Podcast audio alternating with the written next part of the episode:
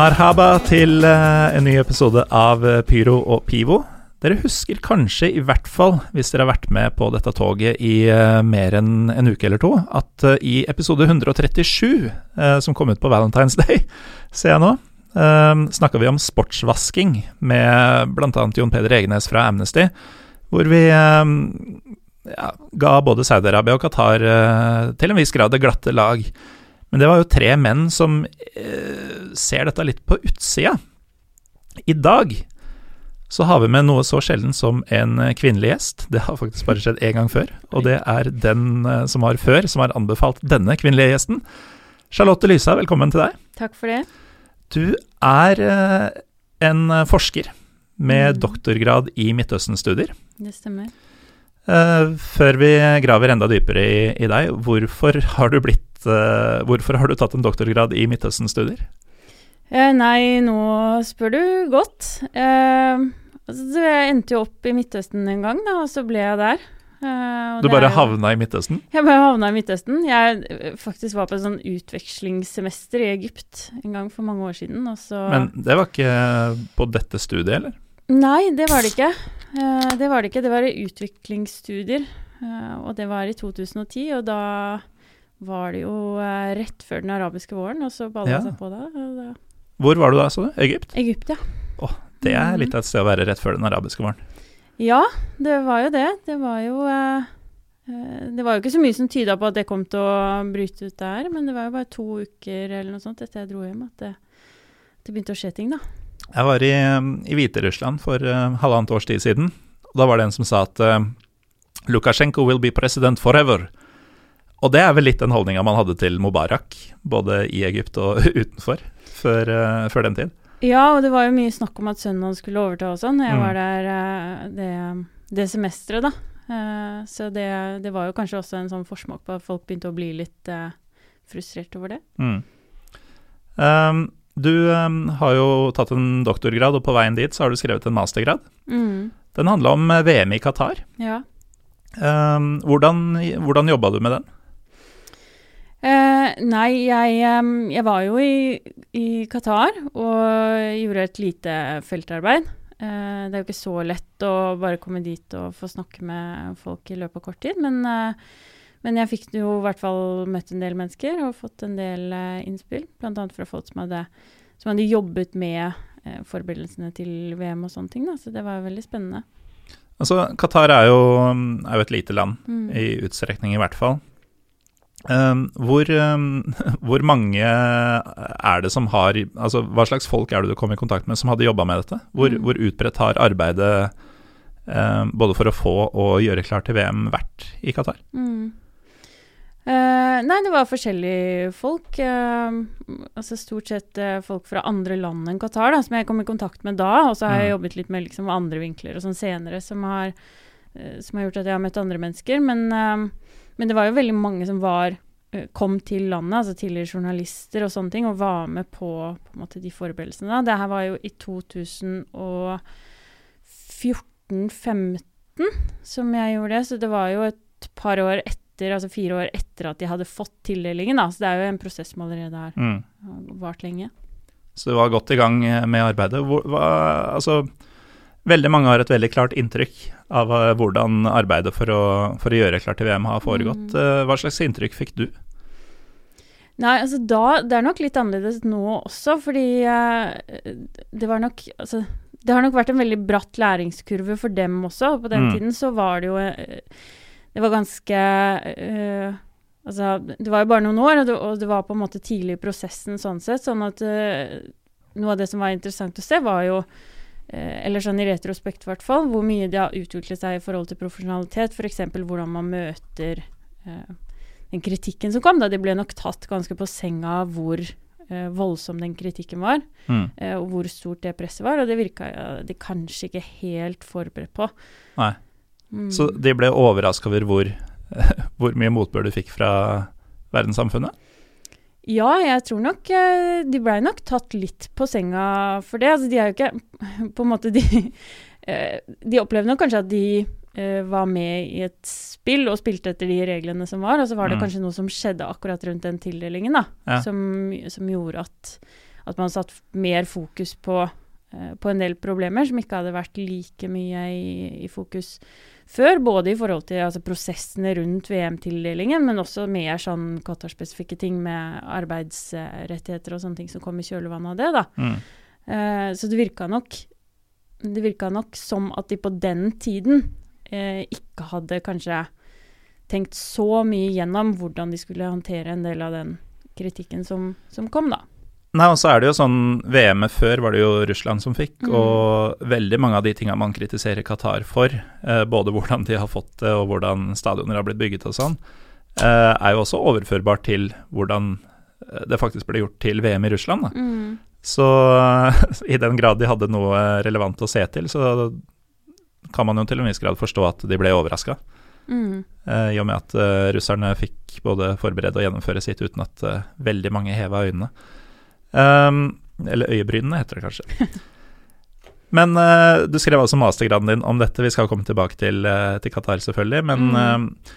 uh, før vi går videre, faktisk, så må jeg spørre deg altså, Du starta din, din Midtøsten-interesse starta i Egypt. Mm. Um, og så har det da hovedsakelig handla om Qatar og Saudi-Arabia, altså Gulfen, Mm. uh, siden. Hvorfor ble det akkurat den delen av Midtøsten?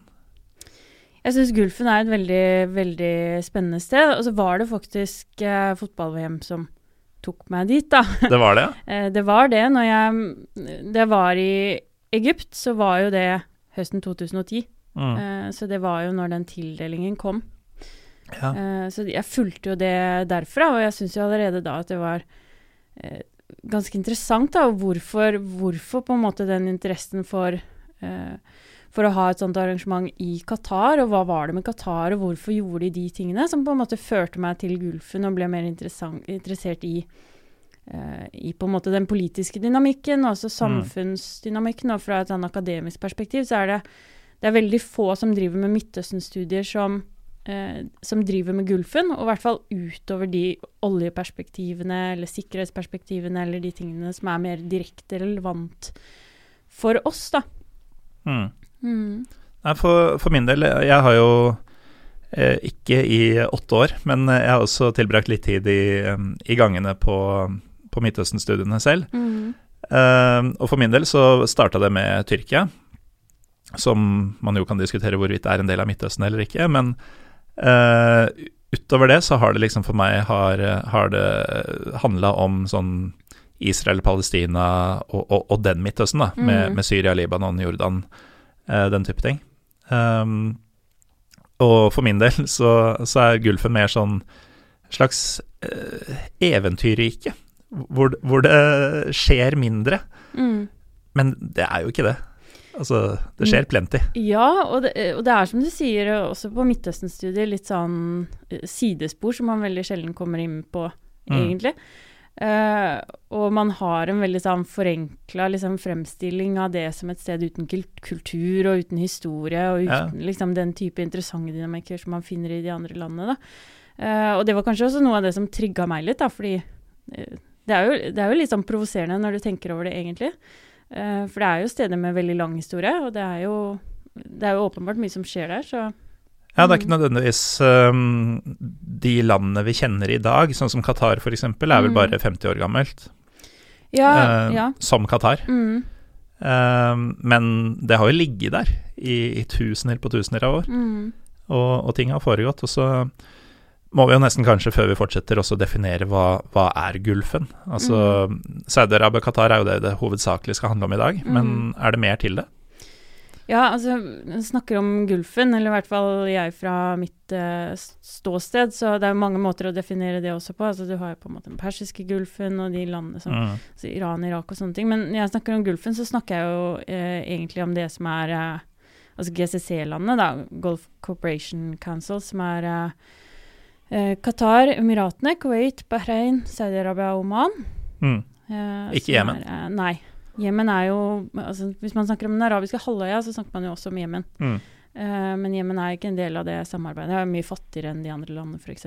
Men er de det eneste landet i på å si, på den halvøya som, som ikke er med i den uh, Mm. koalisjonen, holdt jeg på å si? Mm. Koalisjonen er kanskje ta i all den tid vi nevnte Qatar der, men uh, Ja. Men uh, hvor, hvorfor skiller Jemen seg ut? Altså Annet enn at de er fattigere? Eller er det bare derfor? Eh, det er vel primært derfor. Hvor, altså jeg vet ikke hvorfor de ikke var eh, en del av den diskusjonen utover det, eh, egentlig. Men, men ja, og så ligger de jo ikke Altså Jemen ligger jo ikke ved Gulfen heller, da. Hvis Nei. du Nei, jo tenker på det litt sånn geografisk, så har jo alle de andre landene kystlinje ut mot den persiske eller arabiske gulfen, alt ettersom hvem du spør. Mens Jemen har det mot uh, den fagre Adenbukta i Mhm. stedet. Det, det blir ikke helt det samme. Nei. Men uh, du kom uh, nylig tilbake fra, fra Saudi-Arabia. Mm. En uke eller to siden, eller? Uh, ja. To Mm. uker siden, kanskje. Og da må jeg jo spørre deg, som, som den lyse kvinnen du tross alt er, da du var på tur til Saudi-Arabia nå nylig, Mm. var du på fotballkamp? Det var jeg. Åh! Der er én myte slått høl på allerede. Vi skal selvfølgelig komme mer inn på dette, men hva så du? Eh, hvilken kamp jeg så? Ja. Jeg så jo El Hilal, som er det største laget, selvfølgelig. Eh, og de møtte et eh, mye mindre lag fra litt sånn utsiden av Arian. Eh, med noe sånt som fem-seks tilreisende supportere, tror jeg. Så de aller fleste var jo der for å se, for å se Så det. 5-6? Ja, fem-seks, ja.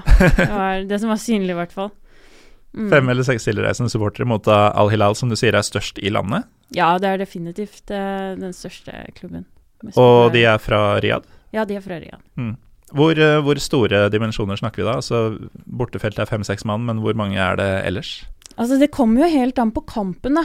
Mm. Ehm, det var ikke første gangen jeg var på kamp i Saudi-Arabia. Jeg har vært det før også. Uh, selv om da var det jo egentlig ikke lov. Uh, men det var Champions League-finalen i 2014 uh, mot Western Sydney Wonders, heter de vel. Um, som El Hilal tapte, da, men da var det jo Altså, da var det stappfullt. Uh, så da var det jo faktisk sånn at folk klatra over veggene for å, å prøve å komme inn. Uh, så en sånn stor kamp vil jo tiltrekke seg enorme mengder, mens en sånn midtukekamp som jeg var på da, så var det Jeg, var, Jeg skrev det vel ned, men jeg tror sånn 5000. Ja. Mm. På Altså, hvis vi skal sette litt i perspektiv, da, da du var på den eh, Champions League-finalen Mm. Høres rart å si eh, når verken å si Qatar Foundation eller Barcelona, som det heter, eh, eller disse andre traverne er med, men eh, Mm. asiatisk Champions League, da. Mm. Eh, du sier at folk klatrer over veggene og sånn. Hvor, hvor stort er dette stadionet? Det vet jeg ikke hvor stort det var. Det er så lenge siden jeg var der. Men Nei, det er jeg ikke sikker på, faktisk. Det må jeg sjekke. Jeg tør ikke si noe sånn. Men med 5000 så er det glissent. Ja, det er det. Mm. Og det var heller ikke det samme stadionet, da. Å nei, nei, da gir det jo Eh, mening. Så det var jo Ja. eh, Det er nytt, det som, det som de spilte på nå. Mm. Eh, du sa det var ulovlig første gang du var på match. Mm. Hvordan, hvordan omgikk du dette?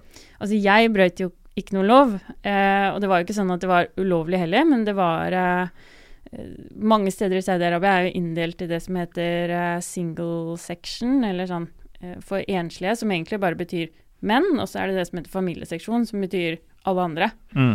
Uh, altså også menn, da, men så lenge de er i, i følge med kvinner. Um, og fotballstadioner, eller noen egentlig sportsarenaer i det hele tatt, hadde ikke det frem til uh, 2017, så det var rett og slett ikke, ikke tilrettelagt for kvinner, da, for å si det sånn. Men så er det jo sånn at når man spiller internasjonale kamper, så kan jo andre legge litt føringer. Så siden at det var et australsk lag som, som spilte den Champions League-finalen, som, som jeg kaller det, Champions League så, Ja, men det, det heter jo det. ja. Så eh, Så måtte de jo også ha noen supportere, da. Så det var jo egentlig den australske delegasjonen som fikk lov til å invitere med seg eh, både kvinner og menn. Og så, så det var jo på denne altså VIP-seksjonen, da. Mm. Um, så det var Jeg brøyt ikke loven. Jeg kledde meg ikke ut og sneik meg inn eller noe sånt, dessverre. Det hadde vært en mye mer spennende historie. Men, eh, men det var i hvert fall før det var formelt eh, tilgang da, for Mm. kvinner. For jeg, regner jo med at du som Midtøsten-entusiast eh, har sett Life of Brian. Nei, det har jeg ikke, faktisk. Du har ikke sett Life of Brian? Nei. Jeg, jeg har noen sånne populærkulturelle hull som Ja, det er åpenbart. Eh, nei, for det er eh, Nå skal jeg ikke spoile filmen for deg. Eh, det har sikkert internett gjort uh, tidligere, for så vidt. Men det er en scene ganske tidlig hvor de skal gå på steining. Og der har ikke kvinner lov å være. Mm. Så da står en fyr utafor steiningsarenaen, om du vil, og, og selger svære løsskjegg. Og um, alle damene gjør til stemmene sine når de kommer inn, og den greia der. Og så glemmer de seg selvfølgelig hele tiden, da. Eh, og det, det er nesten litt sånn jeg så for meg at uh, ditt første fotballbesøk i, i Saudi-Arabia skulle være. Men det høres jo mye mer eh, hva skal vi si, moderne og uh, Høres ut som en mer oppegående løsning, det som australierne og saudierne til sammen kokte opp. Det var nok tryggere enn hvis jeg hadde hatt meg løsskjegg, i hvert fall. Mm. Men en annen ting, altså apropos populærkulturgreier, og nå er det mye min ignoranse, men på vegne av lytterne selvfølgelig, som veit enda mindre enn meg. Um, I en serie som heter American Dad, så havner eh, hovedpersonen, som er en meget forutinntatt eh, CIA-agent, dette er en tegnefilm, Mm. um, i Saudi-Arabia. Og da får man jo eh, en del ideer om hvordan Saudi-Arabia er, da. Og en av de tingene som kommer fram der, er at eh, man kan ikke som dame gå rundt uten mannlig følge.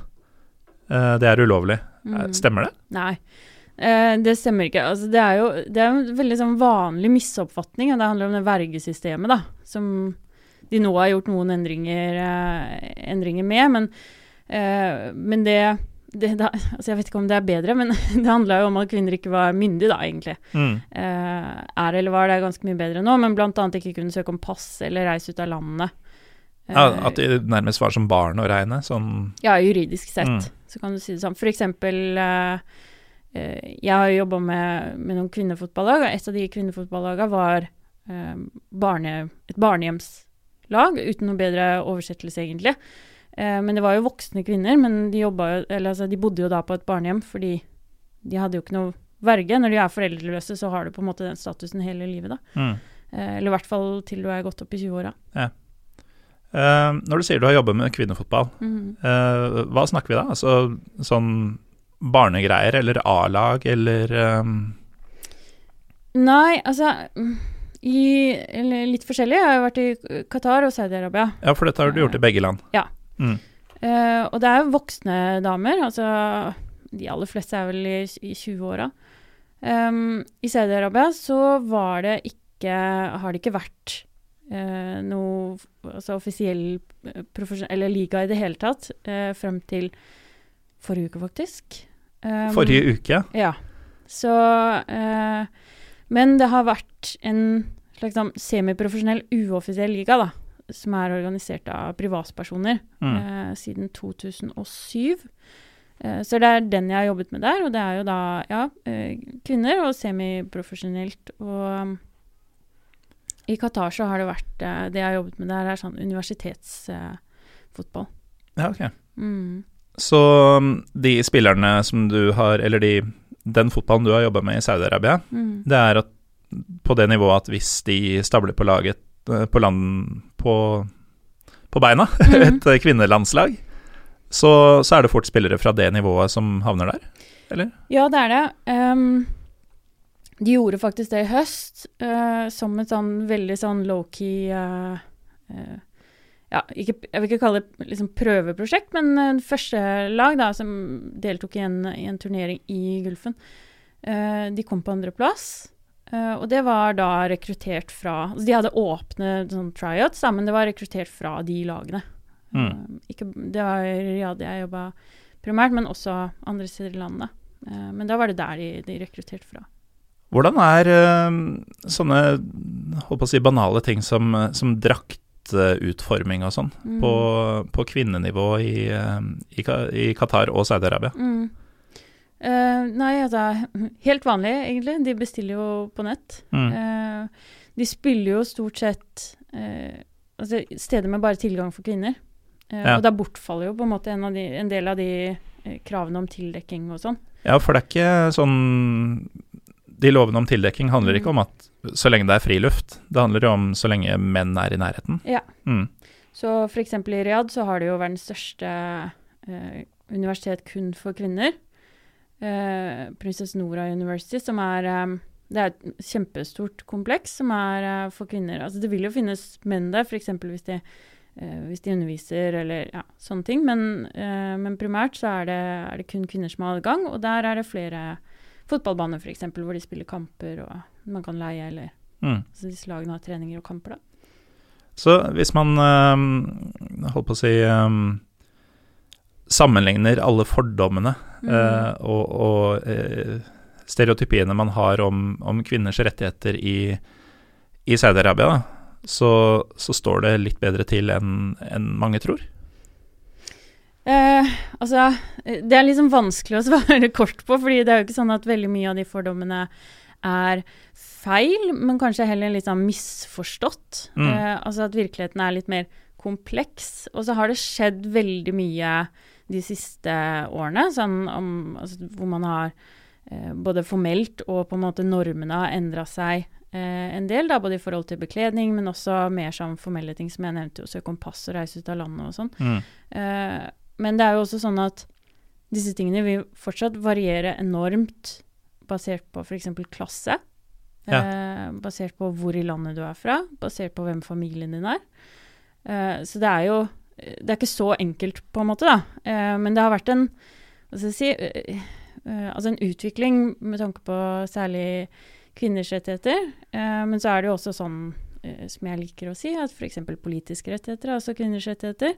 Så det er heller ikke et helt sånn veldig enkelt uh, bilde, for å si det sånn. Uh, men det som er morsomt, det er jo at faktisk de formelle uh, Eller morsomt blir jo feil ord, da, men eh, interessant å bemerke eh, at de formelle eh, lovene eh, med tanke på f.eks.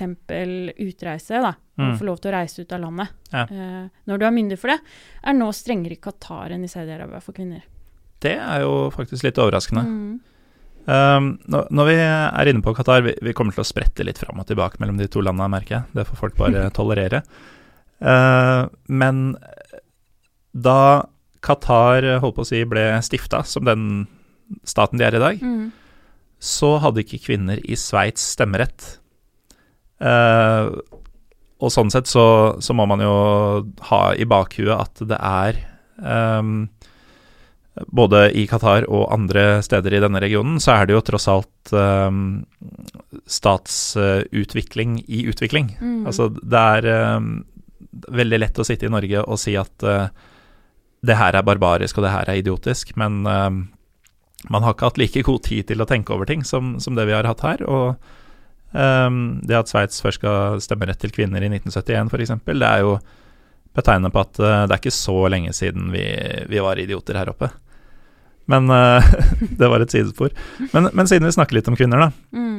Uh, og du har jo hatt muligheten til å gå på kamp i Saudi-Arabia. Mm. Det også er vel en, en, god utvikling på dette med å, å, å, i det hele tatt kunne gå på kamp som, uh, som kvinnelig supporter? Ja, det var jo først tillatt i januar 2018. Uh, så det ble, ja, det ble erklært i 2017. Mm. Og i det hele tatt sette fot på stadion, eller? Mm, faktisk. Også som uh, enten man skulle spille eller hva. Altså, I 2017, eller ja, 2016-2017, så var det første gang de begynte uh, å faktisk offisielt gi lisenser for treningssentre til kvinner. Mm. Så det var på en måte der landet lå, da. Ja. så du kan si at sportssektoren var definert som en mannesfære. Uh, fullstendig. Altså alt fra, fra helt sånn lavterskeltilbud som treningssentre til, til, det å være supporter og utøver og sånne ting. De sendte jo um, de første utøverne til OL i 2012, uh, men det var jo var det to stykker, tror jeg. To eller, fi, to eller, fire. Det var noen som trakk seg og sånn. Mm. og det var også da Qatar sendte for første gang. men det var jo egentlig kun som et resultat av Um, av et sånn ytre press, da. Ja. Mm. Men nå er det en slags kampanje for å øke antallet uh, kvinnelige idrettstilskuere? Ja, det er noe de holder ved Altså tilskuere generelt, da. Hele sportssektoren er under veldig eh, utvikling. De satser veldig mye på det. En del av, en del av det er jo eh, Altså, du kan snakke om sportswashing og sånne ting som, som Amnesty gjør, men hvis du ser på totaliteten, så er det også mange ting som skjer på forskjellige nivåer. Da. Det er ikke bare disse store internasjonale tingene som skjer. Det er ikke bare liksom de PR eh, det er ikke, Alt er ikke utad? Eh, nei, og det er jo det er mye som skjer innad også. Og, eh, og mye av eh, motivasjonen for det ligger nok i måte den økonomiske utviklingen. Da, at, man, at man ønsker å, å eh, diversifisere økonomien og satse mer på på en måte eh, en sånn hjemlig økonomi. Og for eksempel så Altså du kan jo litt sånn eh, flåsete si at det har vært forbudt å ha det gøy Mm. i Saudi-Arabia i veldig stor grad. Og fotball har jo faktisk, altså fotballstadion har jo vært et av de få stedene som har fantes da, for den type, den type gøy, for å si det sånn. Men noe av det som har vært resultatet, har jo vært at veldig mange har reist ut av landet. Eh, og ved å på en måte eh, prøve å dyrke fram eh, mer den interessen for sportsarrangementer hjemme, så vil man jo også sørge for at de pengene som ellers hadde blitt brukt på å reise på sportsarrangementer i Europa, blir hjemme. Og da er det klart at da må du inkludere hele befolkningen, ikke, ikke bare halve, Mm. eh, hvis, det skal få, hvis det skal få en effekt. Så du har en sånn prosess hvor du eh, omdefinerer fotballkamper til å være noe som unge menn gjør, til å være noe som familien gjør sammen. Eh, og en av de tingene som de gjør eh, for å tiltrekke tilskuere generelt, er at de fra og med denne sesongen eh, har begynt å gi bort en bil eh, på hver kamp. Hver eneste ligakamp? Ja, jeg, tror, altså, jeg skal ikke si helt sikkert at det er hver eneste kamp. Det er i hvert fall hver runde. Men det er ikke sånn én klubb bare? Det er uh... Nei, jeg tror det er I så fall så tror jeg det, det skifter. Mm. Altså, ja, jeg skal, ikke, jeg skal ikke si noe jeg ikke vet, men, men det, de ga nå bort en bil når jeg var der. Uh, og da er det Vi har Altså, jeg har jo ikke noe tall på det, og jeg har ikke sittet og telt, uh, men jeg er ganske sikker på at de aller fleste som vinner den bilen, er kvinner. Mm. Jeg har ikke sett noen mann vinne det, tror jeg. Um, så i hvert fall det som dukker opp på sosiale medier, for å si det sånn. Og det var jo en kvinne som vant bilen da jeg var der. Ja. Um, ja. Det er noen som vinner ballen, og så er det noen som vinner en iPhone, og så er det noen som vinner bil, altså, som er hoved.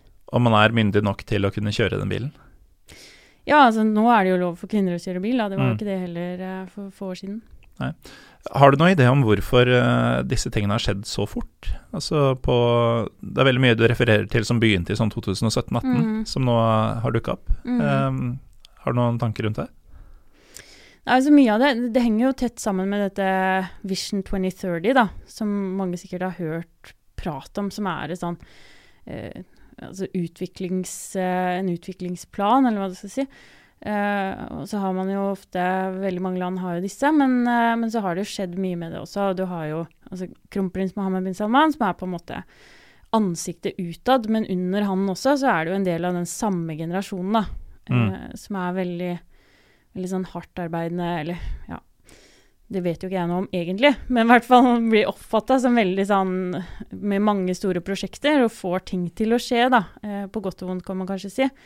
Um, og en av disse var jo uh, ledet uh, sports Altså det som heter General Sports Authority, som er et slags sånn sportsdirektorat, kanskje. Um, fram til i fjor, kanskje, og så, um, og så ble det skifta I fjor eller i forfjor så ble han i hvert fall skifta over til General Entertainment Authority, da. Ikke sant? Det Ja. andre store satsingsområdet er underholdning. Eh, hvor en ny fyr tok over som også er veldig kjent for å være veldig sånn Får ting til å skje, da. Så det har vært veldig prioriterte områder i den utviklingsplanen. Å få fortgang i, i utvikling, Mhm. rett og slett. Mm.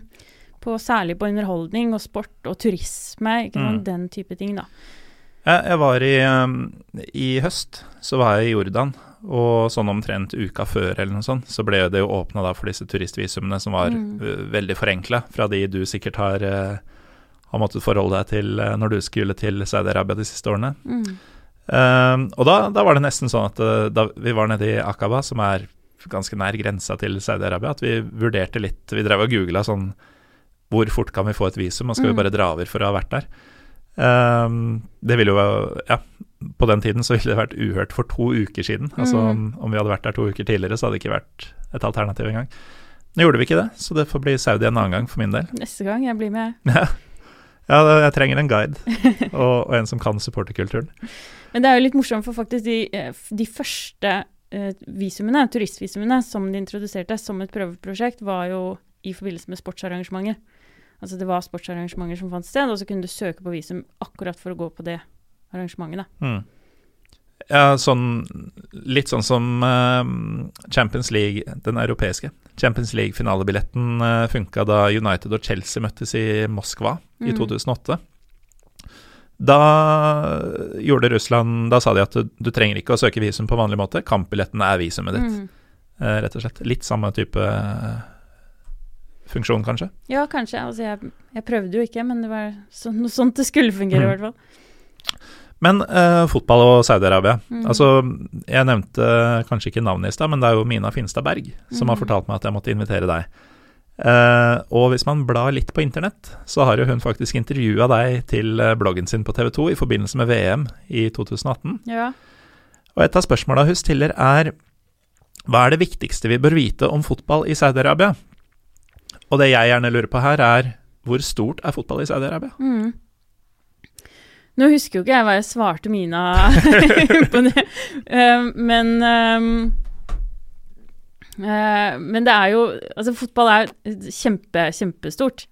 Uh, Og klubbfotballen også, har jeg skjønt. Ja, klubbfotballen også er Det er veldig engasj engasjement rundt det.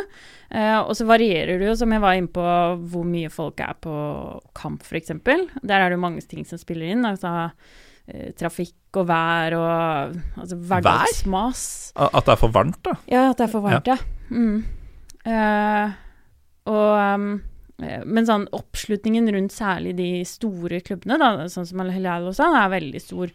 Uh, og det er noe man på en måte Det synes i bybildet hvis de spiller kamp, uh, f.eks. Det er jo ikke noe Særlig hvis det er en viktig kamp, da, og hvis det er noen av de noen liksom store internasjonale kamper eller eh, eller noen av de store lokale kampene, så, eh, så er det jo veldig stort. Og så varierer det hvor mye folk eh, går på kamp. Men eh, du vil jo se f.eks. hvis du går rundt i hovedgatene i, i Riyadh når det er kamp, så vil det jo være eh, Nesten alle kafeene du går forbi, har storskjerm og viser.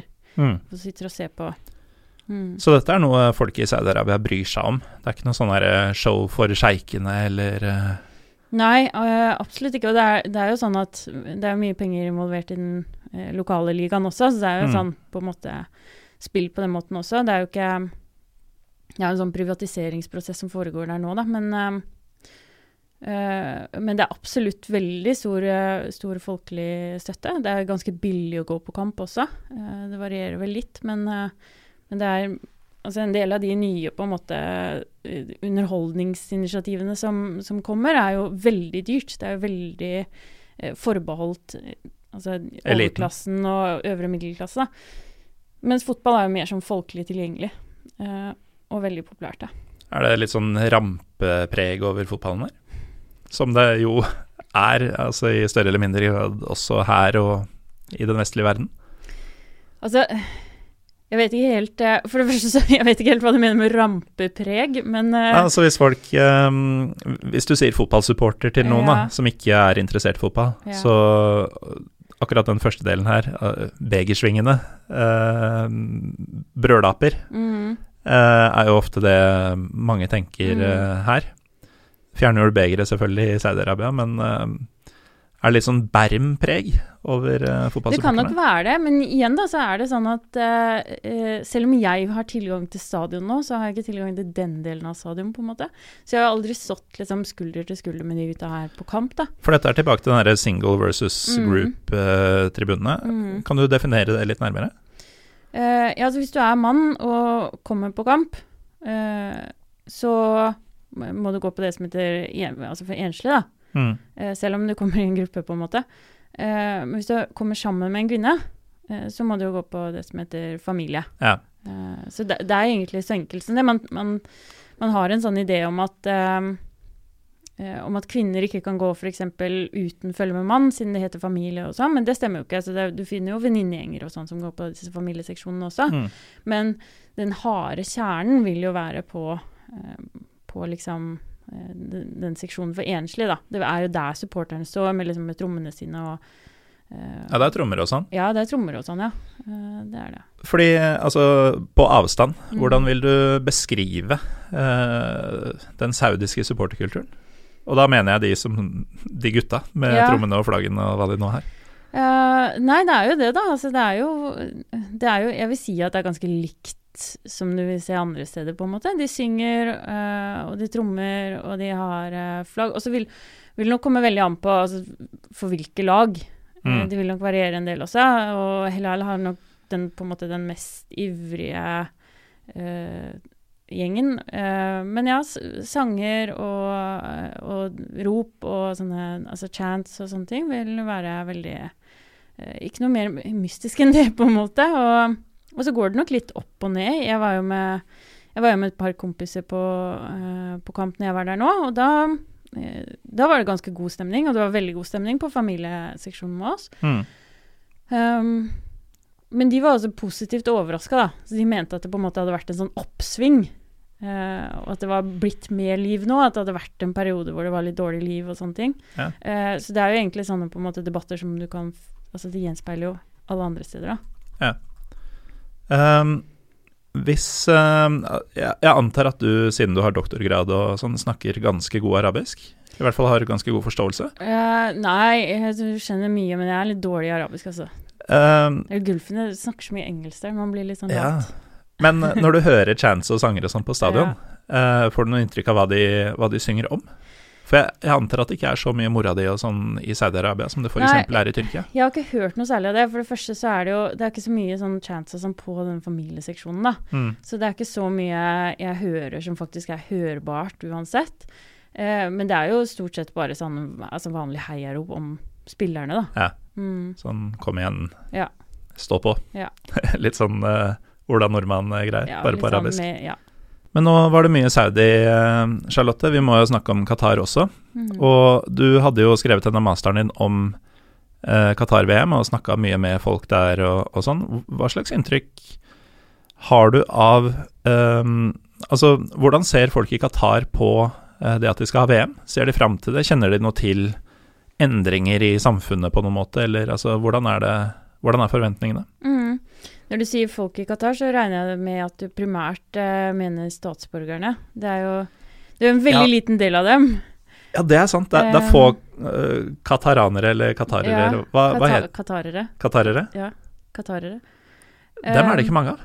Nei, det er ikke så veldig mange av dem. Eh, ja, et, mellom 200 000-300 000, et eller annet. Det er litt sånn Mm. Altså befolkningsstatistikk er veldig sensitivt, fordi de er en, de er en minoritet. Eh, det er jo rundt tre millioner innbyggere i Qatar, og så Mm. er det da under 10% som er eh, statsborgere.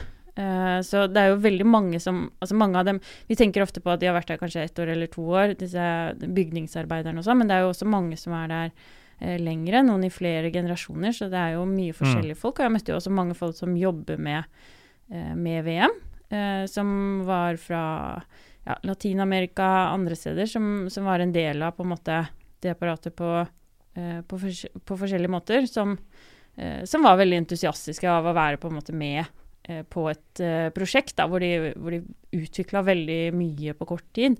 Eh, og så har du jo de Nå skal ikke jeg gjøre meg til noen talsmann for qatarere og hva de mener om fotball-VM, men de jeg snakket med, da, eh, var jo eh, stort sett eh, positive. Og så var det en del som var positive, men på en måte syntes at det var litt tidlig. Eh, at det var litt pinlig, egentlig, fordi man, uh, man f.eks. ikke hadde kvalifisert seg til et VM selv før. Ja. da. Eh, og kanskje trengte lengre tid på å ha et, eh, ha et landslag som kunne, kunne faktisk liksom At man ikke er merittert nok til å, til å rettferdiggjøre Ja. den automatiske deltakelsen og sånn. Ja, eller sånn at man kanskje liksom ser litt dum ut. Da, at Mm. at hvis man hadde hatt noen, noen flere år på den utviklinga, så, så hadde man kanskje så hadde det kanskje vært bedre, da. Og, og generelt så er det et land som er i enorm utvikling på veldig mange måter. Eh, og en del av det er jo direkte relatert til fotball-VM, en del av det indirekte, og en del av det hadde kanskje skjedd uansett. Kanskje Mm. andre store prosjekter. Så, så akkurat det med fotball-VM er jo bare på en måte én liten del av det. Og, men generelt så var det folk veldig entusiastiske, og du vil se sånn uh, altså folk på butikker og sånn, så vil man ha sånn klistremerker sånn 'Jeg støtter Qatar 2022'. Mm. Så det var ingen som ville si at de ikke støtta det, på en måte, men, men det var liksom en sånn eh, det var jo, Folk var jo engasjerte, engasjerte for det. Det Mm. er, ja. Men eh, når du sier at det er, et, eh, er en stat i utvikling, og at noe nok ville skjedd uten fotball-VM også, så er det kanskje en underrapportert del av det. Det at, for veldig mange er veldig på at det er feil å gi VM til et Mm. land som det her, og, og det kan man jo um, på mange måter si seg enig i også, men um, hvis man tenker på fotball som en brobygger, Mm. så er det jo grunn til å tro at det å gi et land som Qatar et sånt ansvar, kan sette Kan få fortgang i en del utviklinger som, som kanskje ville vært seire ellers, da. Mhm. Ja, eh, det kan jo hende. Nå skal jeg være veldig forsiktig med å si at sånn er det, for det vet man kanskje om ti år. Eh, Mm. Og så har man jo ikke noe sånn Man, et, man vet jo ikke hvordan det hadde vært hvis ikke, på en måte. Men det er klart at det har jo bidratt til å sette lys på en del ting. Det er jo et uh, intensiv insentiv, Ja, i, i det minste. Om det definitivt. funker eller ikke, vet vi ikke. Eh, nei, definitivt. Og kombinert kanskje med den politiske situasjonen. At, man, at Qatar i, i større grad er isolert av nabolandene også, sånn at man må Mm. De blir på en måte tvunget til å, uh, til å komme nærmere, nærmere Europa og Ja, for den, oss, da, for den sånn. isolasjonen må vi nesten nevne. mm. Det er ikke bare bare å være Qatar i det nabolaget der de siste årene.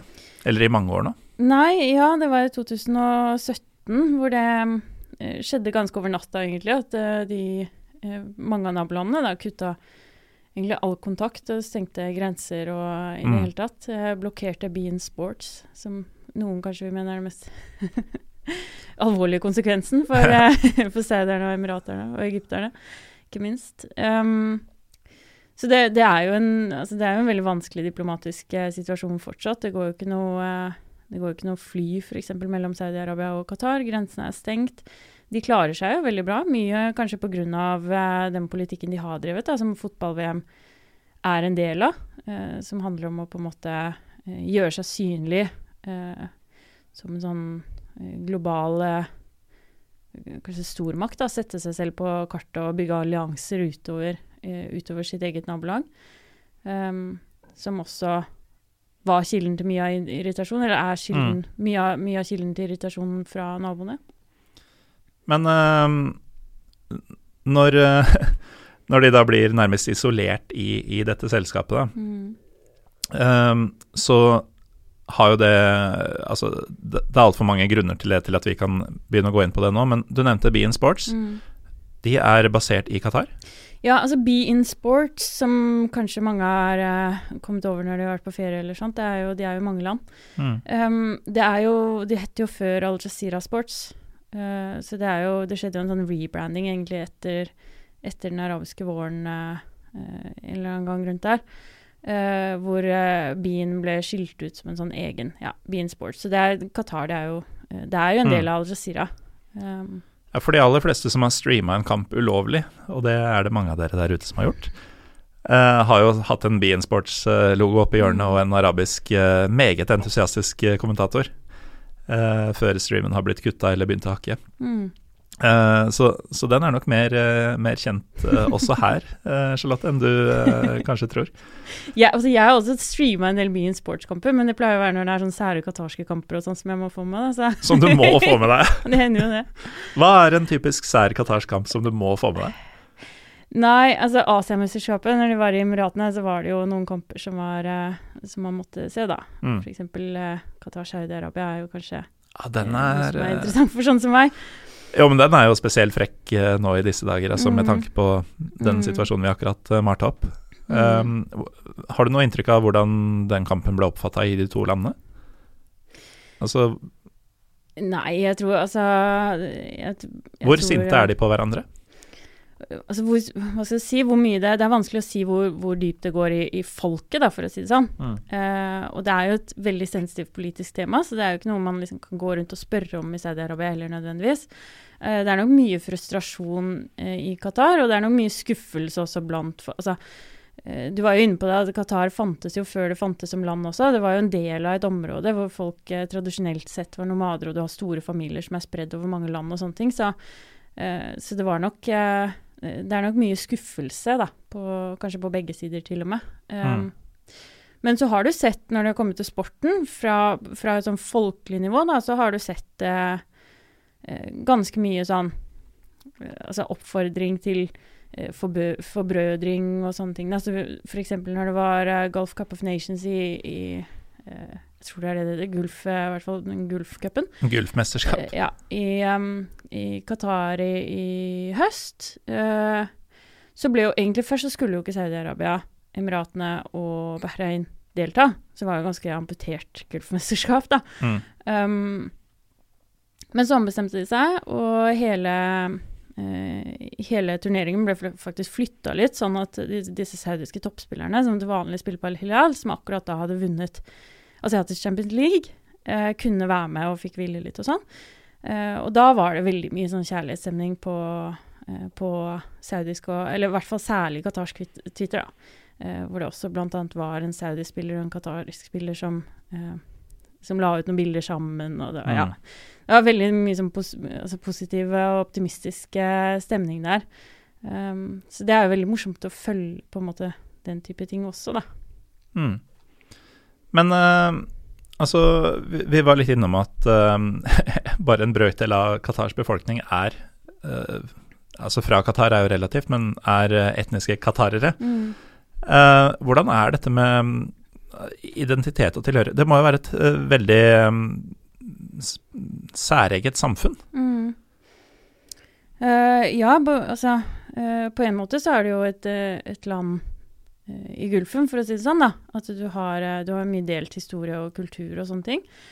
Um, men så har man også en sånn Man har en, en nasjonal tilhørighet, og så kan man sikkert diskutere hvor sterk den er, men det er i hvert fall i økende grad, og det har jo vært en politisk prioritering fra regimet også, og, og sport også har jo vært en del av den nasjonsbyggingen, altså ikke bare utad, men også innad. Mm. Um, og det så man jo også når den, denne krisen brøyt ut, at det var, eh, det var litt økt oppslutning rundt landslaget og sånne ting i, eh, i de kampene som fulgte. Altså denne krisen fra 2017 Ja. som vi nevnte. Ja, Mm. så du fikk på en måte en sånn oppblomstring av de tingene. Men så har du også eh, altså flere andre identiteter, da, for å si det sånn. For du har jo liksom forskjellige, selv om, selv om de er qatarere, så har du liksom forskjellige hva skal si, folkegrupper, eller i hvert fall forskjellige sånn eh, distinksjoner innad i befolkningen.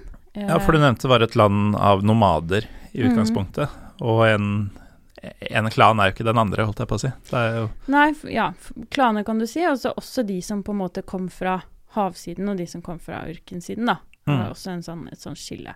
Og det som jeg syns var uh, veldig morsomt, som ikke, uh, som ikke er aktivt lett etter, men som liksom dukka opp underveis eh, de årene som jeg har jobbet med det, har vært at det gjenspeiler fotballtilhørigheten. Eh, sånn at de vil snakke om de andre lag support, altså supporterne av de andre lagene i den eh, terminologien, da. mm. Så for eksempel eh, Rayan er et av de to store Eller altså, det er, si at det er fire store lag, da, men et av hvert fall eh, et av, et av de store lagene i, i Qatar, et av de eldre lagene i Qatar. Eh, og de vil folk uh, f.eks. betegne som Ja, det, det, det er jo beduinene.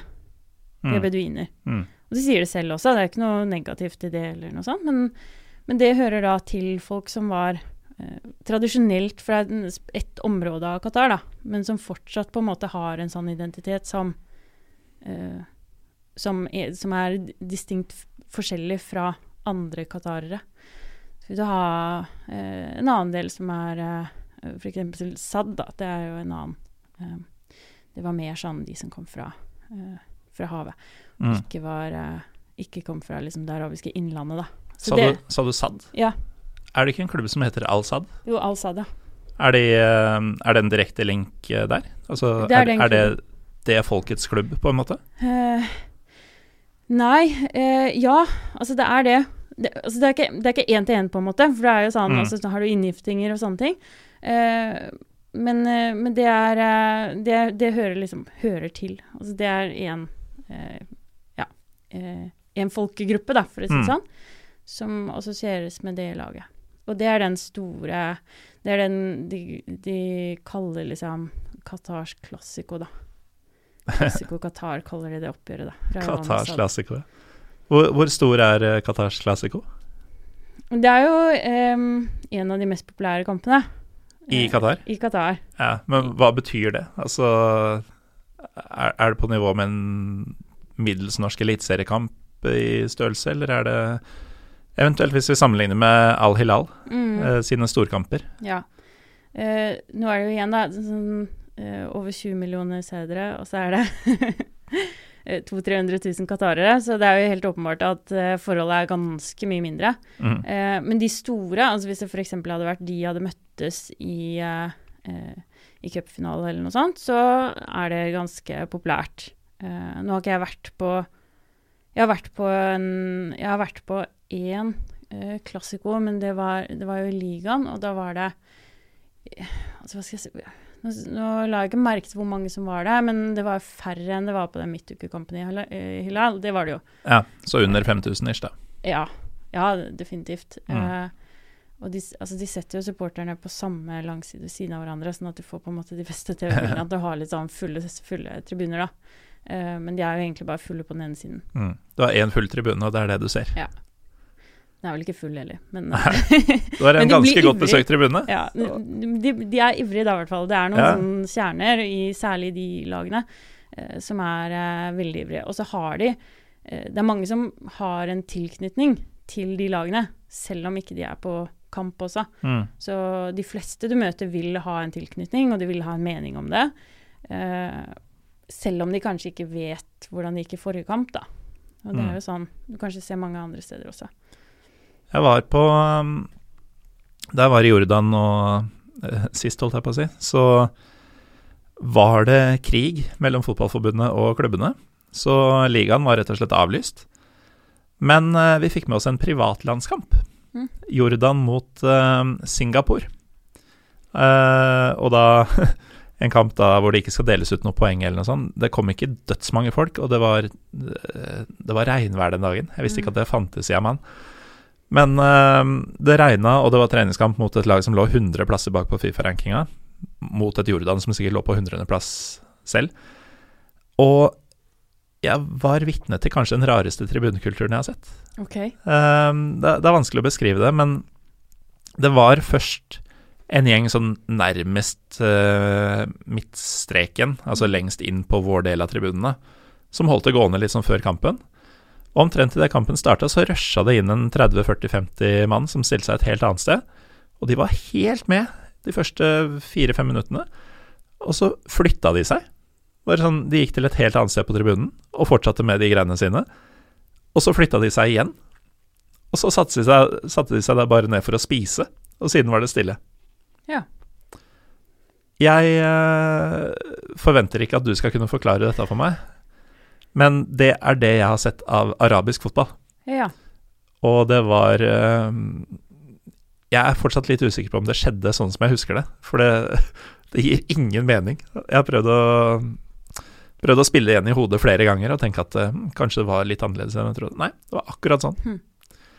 Uh, men uh, Charlotte, vi har jo nå snakka litt om fotball og diverse i snart en time i den arabiske gulfen, og egentlig vel kommet fram til at uh, det er ikke her du får den de største fotballkampene, den feteste tribunekulturen, hvis man er vant til si Italia, Spania, Tyskland, Tyrkia, og sånne ting. Mm. Men det er jo mange grunner til å dra hit eh, likevel, vil jeg tro. Um, hvis vi begynner med, med Qatar, da, Mm. som tross alt er veldig lett tilgjengelig fra Norge. Mm. Hvorfor bør man dra dit? Det er jo veldig enkelt å få tak i billetter til fotballkampene, da, siden det aldri er fullt. Det endrer Mhm. seg jo sikkert eh, Det endrer seg jo sikkert i forbindelse med fotball-VM, men eh, det er jo noen eh, gamle storheter som dukker opp der av og til og sånn, så det, Mm. Ja, det, de, de liker litt sånn siderumpa, gamle, avdanka folk som kan selge drakter og sånn. Ja, men eh, Men hvis vi ser vekk fra fotballen Ja. Nei, hvis man ser vekk fra fotballen, så vet jeg ikke om det er sånn eh, kjempestore uh, argumenter for å dra til Qatar hvis ikke man er interessert i regionen uh, fra før. Mm. Altså, det er jo et spesielt sted, og er, jeg syns det er et kjempespennende sted. Jeg syns det er eh, kjempemye morsomme mennesker, og det, er, det var jo veldig gøy for meg å lære om fotballkulturen der også. Uh, det er jo et slags liksom Nå fornærmer jeg sikkert noen qatarere, men det er jo et slags mini-Dubai. Jeg tror vi har veldig få qatarske lyttere. Eh, men um, Så man må på en måte Ja, man må kanskje være litt spesielt uh, interessert, men det er klart at det er jo uh, Det er jo veldig mye fint. Det blir jo ofte kritisert for at det er veldig mye uh, nytt. Mm. Og det, det kommer jo litt av seg selv på en måte. Hvis ikke så hadde de jo ikke hatt noen ting, siden de har, har hatt en litt sånn annen levemåte og og måte å bygge på og sånne ting. Mm. Eh, men det de har, er jo også veldig mye altså Det er jo fine ting. Det er jo veldig mye fin arkitektur. Eh, og så er det jo noe av det som er spennende med, eh, med særlig de eh, små emiratene i, i Gulfen, da, er jo at um, er jo at uh, de er en sånn slags multinasjonal smeltedigel. Altså, på den ene siden, du har jo arbeidere, mange av dem lavtlønna og utnytta osv. Det er på en måte den delen av det, ikke for å romantisere det i det hele tatt. Nei, men virkelig her da i Qatar, altså hvis 90% ikke er qatarere, så, så må det jo være mye Mm. ymse. Ja, altså du har jo veldig mye forskjellige eh, restauranter og den type liksom eh, Hva skal du si liksom kulturbobler, da. Mm. Eh, hvis du bare går lite grann eh, innover fra, fra kystlinja. Så det er jo, det er jo veldig altså Det er jo spennende hvis man er på en måte interessert i den type ting, da. Og så er det jo stort sett sol, da. Så det er jo Ja, stort sett. Faktisk i så stor grad at VM skal foregå på vinteren, Mm. eh, vår tid. mm. Um, er, er det noe mat og drikke som er eh, særeget for eh, Qatar? Det er kanskje rart å svare på i og med at det er så mye forskjellig kultur der. Mm. Men uh, er det noe du får der som du tenker at hvis du har staka ut en ny tur til Qatar, da, så gleder du deg fordi da skal du få spist eller drikke denne tingen? Altså, det jeg gleder meg til da, er jo liksom eh, en indisk restaurant, en Mm. italiensk restaurant, en armensk restaurant, som jeg vet er veldig god på en måte. Så det er jo kanskje akkurat det at det er den eh, altså Det at du har den miksen. da, som, som, eh, som er liksom det kulinariske også. Men eh, Og særlig hvis man går litt ut fra hotellene og sånn, da. Det er sånn de fine restaurantene her, hvor du har en del. Så det er ikke sånn Jeg tror ikke det er så veldig mye sånn tradisjonell mat som på en måte blir fronta som uh, som vært, men hva er liksom tradisjonell i den sammenhengen, da, når du, er, Mm. når du ligger der du gjør og, uh, og er et sånn ja, multikulturelt smelte, smeltested? Så hvis vi får, uh, koker sammen de tre-fire siste spørsmålene mine til ett um, Hva er unikt ved å dra til eh, Qatar? Det som er unikt, er kanskje er kanskje nettopp det, da. At du får på en måte alt på ett sted. Eh, og nå føler jeg at jeg liksom snakker litt mot meg selv, for jeg er jo opptatt av at de har en kultur, og de har en historie og sånne ting. Og, men det er, jo, det er jo et område som man hører veldig mye om, eh, men ofte på et litt sånn overfladisk eh, ja, kanskje litt sånn overfladisk måte. da. Det handler om olje, det handler om på en måte høye bygninger og sånne ting. Men det er jo, det er jo kjempe, kjempemye spennende og kjempemye fint å se også. Eh, selv om det på en måte er i veldig stor grad et resultat av den store utviklingen som har vært også. Og så tenker jeg at hvis man har veldig mye fordommer mot et folk, fordi veldig ofte føler jeg at man snakker egentlig om eh, myndighetene i et land, og så blir det på en måte sausa sammen til eh, til altså at alt handler om landet, da. Eh, men det er jo mange folk der også. Jeg tenker sånn, Hvis man har en del fordommer, og sånn, så er det kanskje gøy da, å prøve å, øh, å reise dit og treffe de menneskene, og se hvem som egentlig bor der. Mm. Og litt, eh, litt det samme om eh, Saudi-Arabia. Nå er jo det eh, blitt vesentlig lettere å besøke i, ja, i nyere tid Mm. enn det har vært tidligere. Um, hva, hva er det som bør trekke folk til å ta en titt på Saudi-Arabia? Nei, med fare for å bli liksom litt sånn eksotifiserende, så tror jeg jo kanskje at det, det som eh, Det som vil trekke mange folk til eh, Saudi-Arabia, er kanskje nettopp det mystiske inntrykket man har fordi det har vært så utilgjengelig. Mm. Eh, Eksotifiserende tror jeg forresten ingen Pyro og Pivo-gjester har sagt tidligere. Og nå er vi på episode 140, tror jeg. ikke sant. Eh, men eh, Nei, men altså begge landene er jo veldig vakre land, og sånn naturmessig, særlig hvis man liker sånn ørkenlandskap og sånne ting, så Mm. har man jo mulighet både i Saudi-Arabia og Qatar eh, til, å, til å dra på altså, sånn skikkelig ørkencamping og den type ting. Da. Det er jo veldig trygt også Mm. i begge land. Eh, og så er det jo Det er jo annerledes, da.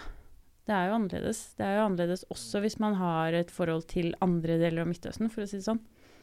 Ja, for meg da, som har vært i sånn Tyrkia, Israel, Vestbredden, Jordan, eh, ville jeg blitt overraska? Mm, jeg tror kanskje du ville blitt overraska over eh, At det er mer da, enn de skyskraperne, for å si det Mm. sånn. Det er deler av Riyadh og Doha også som minner mye mer enn om en gate i Jordan f.eks. også. Mm. eh, enn mange kanskje forventer. Da. Jeg vet ikke om jeg undervurderer eh, folk litt nå, men jeg ser jo for meg at det er, det er mange som forventer på en måte bare, eh, bare skyskrapere og Jo, men jeg gjør det til en viss grad, altså. Eh, samme gjelder Dubai. Altså Dubai og Qatar. Eh, Saudi-Arabia er litt sånn ubeskrevet eh, blad for meg. Der ser jeg egentlig mest for meg stillbilder av Mekka.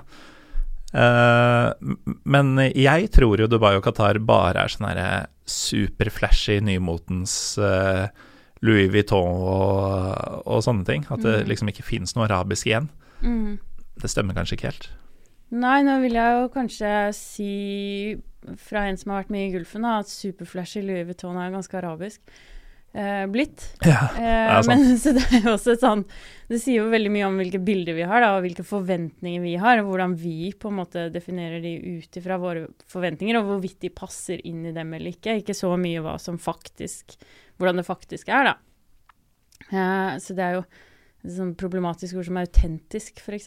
Men, Mm. eh, men det er klart at eh, noe jeg syns er litt gøy, særlig i eh, Qatar, er jo eh, Altså, du vil se disse veldig flotte okay, For å male et bilde, da, så vil du f.eks. se disse, disse skyskraperne, og så blir klokka fire, og sola står litt lavt på himmelen, og så ser du at det er jo helt tomt. Eh, og sånn vil du også, hvis du går på et av de kjøpesentrene med Louis Vuitton og sånn noen ganger, så vil du se at det, det kanskje ikke er noen der. Og det er klart at ett sted må jo de menneskene være. Ja. Eh, så hvis ikke de er der, så burde man kanskje gå et par kvartaler innover og finne dem, da. Mm. ja, for de har ikke gått hjem hele gjengen. Mange av dem er nok eh, hjemme. Det er der de ser fotball stort sett, siden de ikke er på stadion. Så, Mm. Og ikke på puben. Og ikke på puben. Nei, det er veldig få av dem på puben. Altså, I Qatar så er det faktisk ikke lov til å gå med nasjonal eh, Altså sånn soap, da, som det heter, sånn hvit, eh, hvit kjortel. Nei. På steder som serverer alkohol. Eh, så det er en sånn aktiv segregering. Qatarske kvinner har ikke tilgang i det hele tatt. Mm. Så de er definitivt ikke på puben. Eh, apropos qatarske kvinner, og for så vidt saudiske også, vi har jo vært litt innom ditt arbeid med eh, kvinnefotball i begge land. Eh, hvordan ser du for deg veien videre der? Det er jo vanskelig å spå, særlig fordi det har skjedd så mye i Saudi-Arabia på veldig kort tid. Um, I Qatar så har de jo hatt et kvinnelandslag siden 2010. Tilfeldigvis 2010, når de også søkte om fotball-VM. Um, Er rart med det. Ikke sant? Veldig tilfeldig. Uh, og, uh, og det som var, var Altså når jeg var der, og sånn tror jeg det er fortsatt, så har de jo nesten uh, ikke mulighet for å, tilt, altså for å rekruttere spillere i det hele tatt. En ting er at det er veldig få, osv. Så, videre. eh, så de gir jo også pass til, eh, til utenlandske eh, kvinner for å spille på det qatarske landslaget, sånn som de gjør i mange andre eh, idretter. Um, men det jeg fant, var jo at veldig mange qatarske kvinner var kjempeinteressert i å Ikke bare i fotball, men også i å spille fotball, da. Mm. Eh, men at den type eksponering som et landslag f.eks. krevde, og også tidsbruk og sånne ting Det er, veldig, altså det er, et, det er et samfunn som setter utdanning veldig høyt, f.eks. Ja. Um, så, uh, så ville ikke det på en måte møte de kriteriene som disse kvinnene uh, møtte, da, enten fra sin egen moralske, religiøse overbevisning eller, uh, eller andres, som de måtte forholde seg til. Sånn at De var veldig interessert i å spille, men sånn type landslag eller profesjonell liga var bare ikke et alternativ. Så de lagde heller denne egne universitetsligaen. Mm. Og den problemstillinga har jo ikke vært aktuell i Saudi-Arabia fordi de ikke har hatt noe profesjonelt Egentlig fortsatt, i hvert fall ikke som krever den eksponeringa. Og det er nok veldig mange som vil stille det forbeholdet også. Og så er det et mye mer, eh, et mye mer sammensatt samfunn, sånn at du vil kanskje eh, finne en del folk som syns det er helt fint å spille på landslaget. Men eh, det er klart at eh, for veldig mange så vil jo ikke det være et alternativ. Så der som på en måte, i hvert fall i første omgang, mye av utviklingspotensialet ligger, er jo mer sånn semiprofesjonelle. Um, mer sånn grasrot og Mm. For å si det sånn, så er det litt sånn betegnende at eh, når de eh, lanserte den, Det er jo ikke en profesjonell, men semiprofesjonell kvinneliga da, forrige uke, som jeg nevnte. eh, så ligger ikke den under Fotballforbundet. Men den ligger under noe som heter Sports for All Federation. Ja. Som er sånn eh, grasrot ja. Ja, det, det, høres jo ut som sånn samme type firma eller uh, organisasjon som vil få handikappede inn i idretten, på en måte. Altså ja, Sports for all, det, det, det, har litt den assosiasjonen. Det er, vel, det er faktisk De jobber Altså, når du leser sånne offentlige dokumenter og sånn om, om uh, å få med kvinner og jenter i sport, både i Saudi-Arabia og Qatar, så er det veldig ofte handikappede og kvinner sånn i, i, samme, i, samme, avsnitt. Så ja, uh, du kan jo si det. Men samtidig så vet jeg jo at for sånn bredde, breddefotball strategier. Når de jobba ut det, så så de bl.a. til Norge um, mm. som, uh, som inspirasjon, da. Ja. Uh, så det er jo på en måte der veldig mye av innsatsen ligger også. Å, få en sånn, altså, De har jo f.eks. Veldig, veldig høy andel som er uh, overvektige av diabetes og sånne ting. Så mye av motivasjonen ligger jo der også. Mm. så det er klart det er veldig mye vekstpotensial på de tingene. Og så kommer det til å være en del utfordringer når det er snakk om høyeste nivå, mer sånn profesjonelt, da.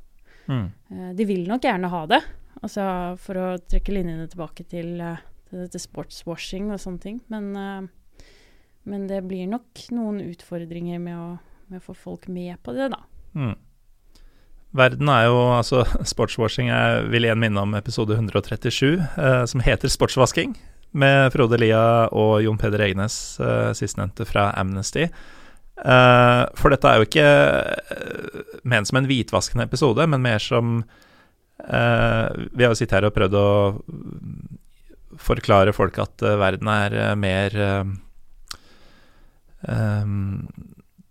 det, det, er mer enn hva man ser. Altså, det, er mer komplisert enn man tror veldig mye. Så um, nå har vi prøvd å forklare litt om hva som faktisk foregår av bedre ting i, i Gulfen, og også fortalt en del om hvordan ting faktisk er.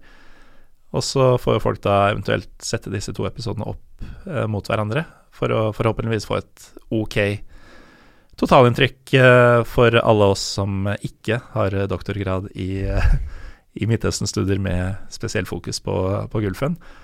Uh, helt til slutt, Charlotte, så har vi vært litt innom mer eller mindre var setninga di noe sånt som at stadion er et av få steder hvor du kan samle veldig mye folk og potensielt uh, få, få, høre sannheten, da, mm. i, i, kanskje litt mer kontrollerte samfunn enn vi er vant til. Mm. og uten at du skal måtte kommentere på det, så høres det veldig ut som en del land jeg faktisk har besøkt, gamle østblokkregimer og sånn, hvor, og, og, og, det gjelder også Berlin, for den saks skyld, hvor um, i, i Øst-Berlin så kunne man komme sammen på stadion, og når motstanderen fikk frispark, kunne man rope at muren må vekk. Uh, uten at noen kunne ta deg på det. Mm. For du ville bare ikke at muren til Forsvaret skulle være der. ikke sant? Det kunne være din forklaring, og den holdt vann.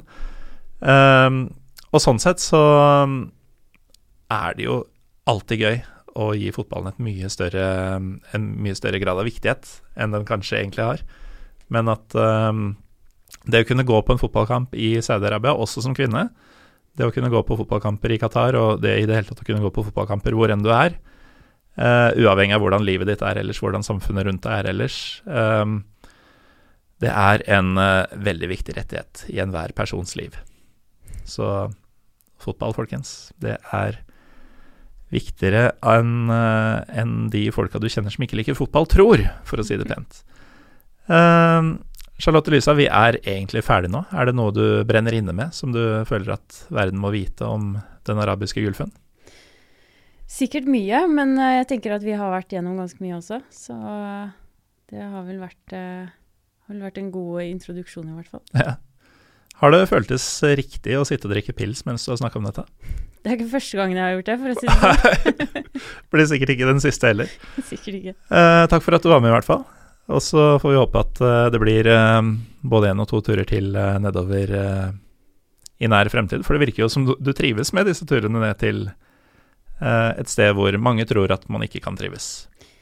Ja, jeg gjør det. Så jeg er nok litt, litt spesielt interessert også. Men jeg tror nok mm. mange ville blitt overrasket også over hvor lett det er å trives der. Ja, det, det tror jeg også på, faktisk. Um, Uansett, vi må sette strek for denne gang. Men uh, igjen, takk for at du var med. Og um, selv så heter jeg Morten Galaasen. Og Pyro og Pivo finnes både på Twitter og Instagram under Pyro Pivo Pod. Og så er det jo da, for dere som fortsatt hører på, uh, et par ting som skjer i fremtiden. Uh, 15. april så har vi livepod i Oslo. Og det visste du antagelig ikke før jeg sa det nå. Eh, på det gamle biblioteket, altså hovedbiblioteket til Deichman, som har blitt gjort om til en livescene som hovedsakelig har podkaster, tydeligvis. Uh, og 15. mai så er vi på Mellomveien i Trondheim for nøyaktig det samme, men med helt andre gjester og et helt annet tema. Det var alt jeg hadde å si, så takk for nå, så høres vi neste uke.